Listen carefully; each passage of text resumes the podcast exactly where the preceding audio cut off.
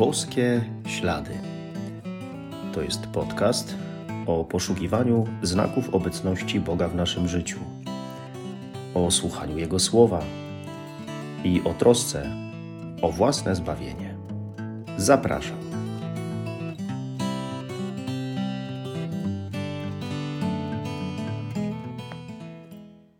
Witam serdecznie.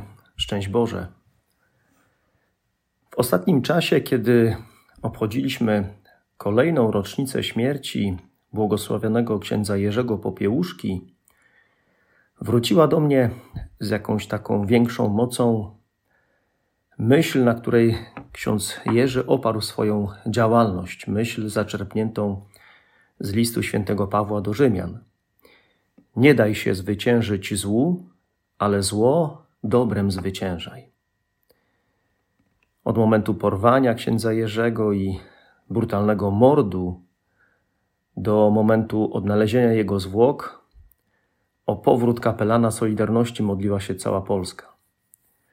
Ksiądz Jerzy był krajowym kapelanem ludzi pracy, wspomagał w stanie wojennym pokrzywdzonych i prześladowanych, wspierał także duchowo rodziny aresztowanych.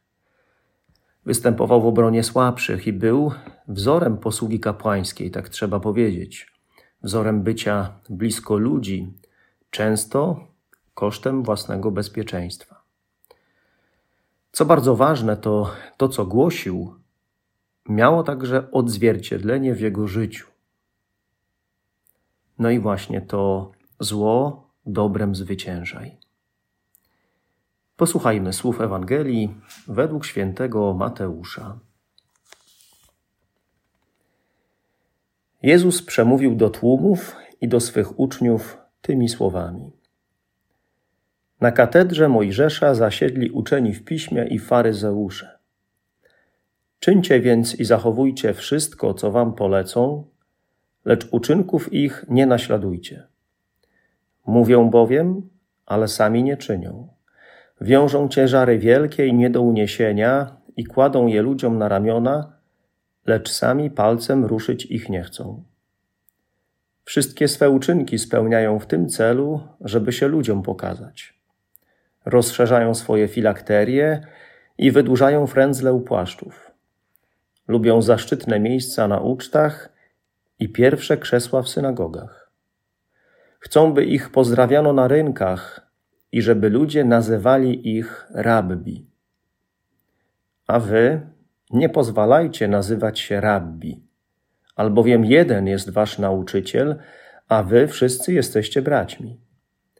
Nikogo też na ziemi nie nazywajcie waszym ojcem, jeden bowiem jest ojciec wasz, ten w niebie. Nie chciejcie również, żeby was nazywano mistrzami, bo jeden jest tylko wasz mistrz, Chrystus. Największy z was niech będzie waszym sługą. Kto się wywyższa, będzie poniżony, a kto się poniża, będzie wywyższony. Słuchając tego, co mówi Pan Jezus, można mieć nieodparte skojarzenie, że ci faryzeusze i uczeni w piśmie z tamtych czasów, a więc duchowi przywódcy narodu, ci, którzy mieli ludziom przybliżać Boga, do Niego prowadzić, to dzisiejsze duchowieństwo.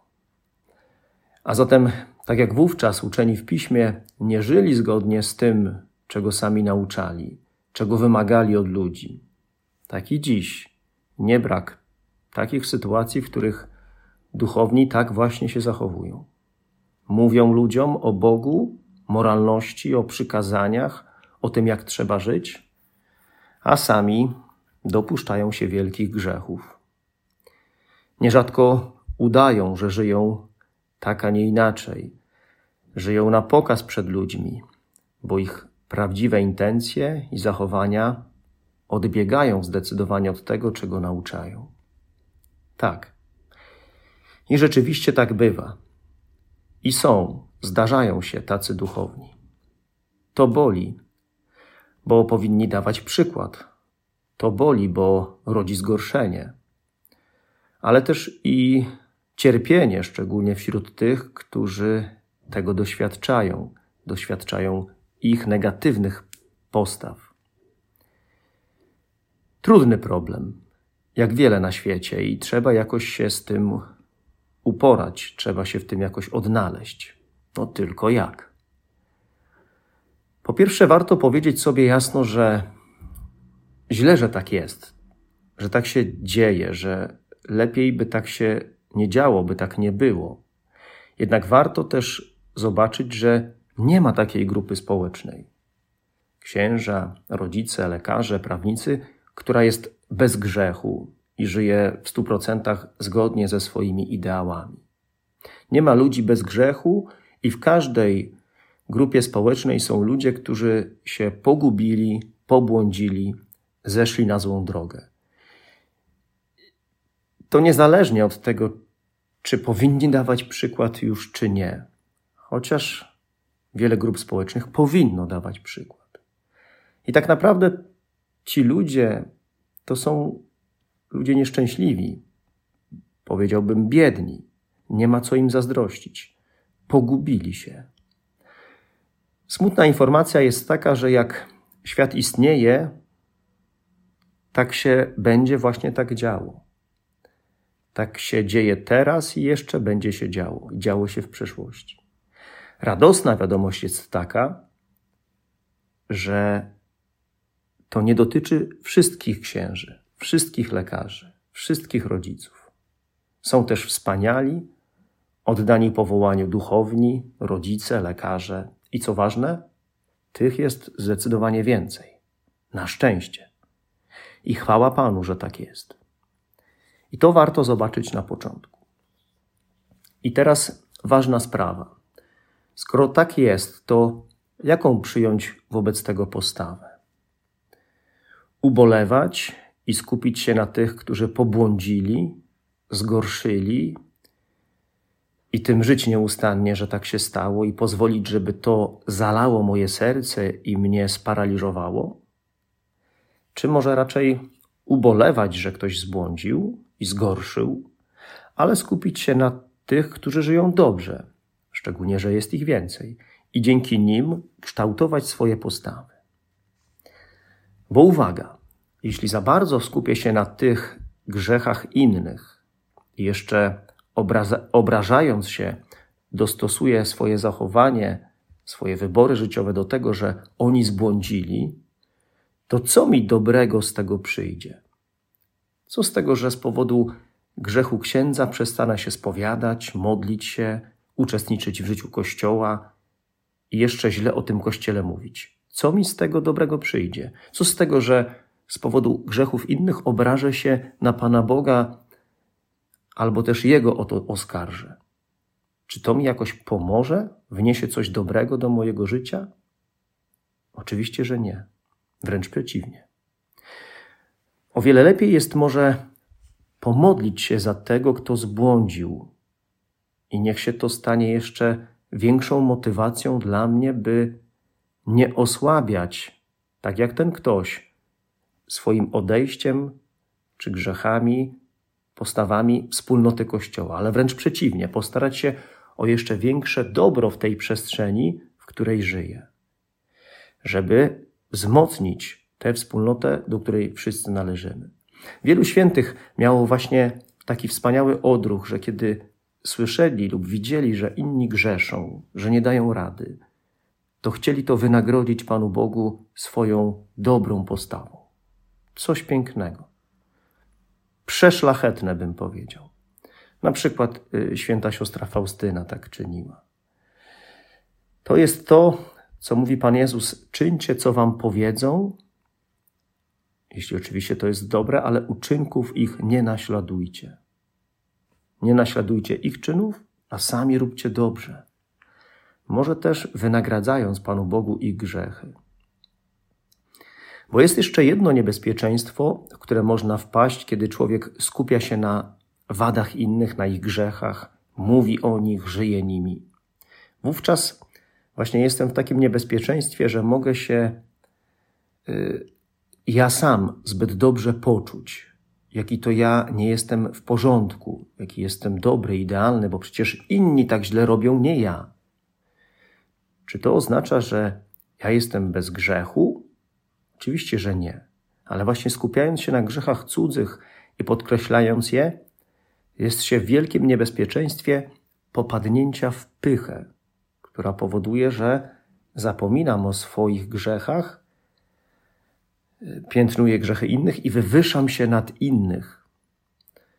I to jest niebezpieczeństwo. A Pan Bóg słynie z tego, że potrafi ze zła wyprowadzić dobro. Użyję może kontrowersyjnej tezy. Y, może tak właśnie jest, że Pan Bóg dopuszcza sytuacje w naszym życiu, kiedy jesteśmy świadkami wielkich grzechów innych.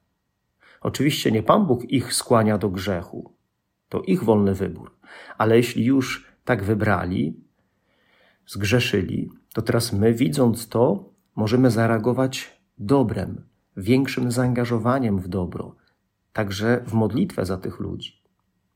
Czy to nie będzie wyprowadzenie jakiegoś dobra z tej sytuacji grzechu tych ludzi?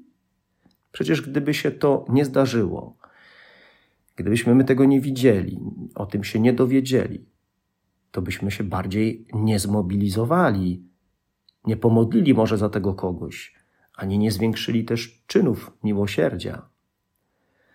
Pan Bóg może wyprowadzić dobro z różnych grzechów ludzi, z sytuacji wielkiego zgorszenia.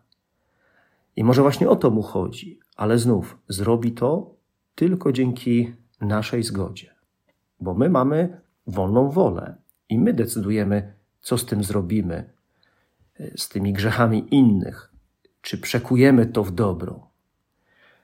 Tam ktoś wolną wolą zdecydował, że grzeszy, a tu ja wolną wolą zgodziłem się na to, żeby Pan Bóg z tamtej sytuacji wyprowadził dobro, powiększył dobro. I przyłożyłem się do tego i zaangażowałem się w dobro, w jeszcze więcej dobra. Jesteśmy jedną wielką rodziną. Rodziny, jak się mówi, nikt sobie nie wybiera. I w każdej rodzinie może zdarzyć się czarna owca, a co dopiero w tak wielkiej rodzinie, jaką jest Kościół. Błądzą kapłani, biskupi, ojcowie i matki, lekarze i prawnicy, duchowni i świeccy. Osłabiają grzechami Kościół. Ja też to robię swoimi grzechami. Może mniejszymi, ale robię. Oby ich duże grzechy stały się nie powodem moich jeszcze większych grzechów, ale stały się bodźcem do mojego lepszego życia. Pan Bóg chce wyprowadzić dobro ze zła. Wszyscy mamy jednego mistrza Jezusa Chrystusa. I choć nas bolą wielkie grzechy ludzi, którzy powinni dawać przykład, to mimo tego wszyscy mamy patrzeć na Jezusa i do Niego się mamy odnosić. To Jezus będzie sędzią ich i naszym. On zajmie się nimi i ich grzechami w najlepszy sposób. A ja? Czym ja się mam zajmować? Ja właśnie tylko w zjednoczeniu z Jezusem zobaczę prawdę o sobie samym, o moich zaletach i wadach. Jezus zawsze zaprasza mnie do dobra, nawet jeśli tak trudno znieść wielkie grzechy innych. To i tak zaprasza mnie do dobra. To On tym bardziej prosi mnie, o większą współpracę w zdobywaniu dusz, w ich zbawianiu.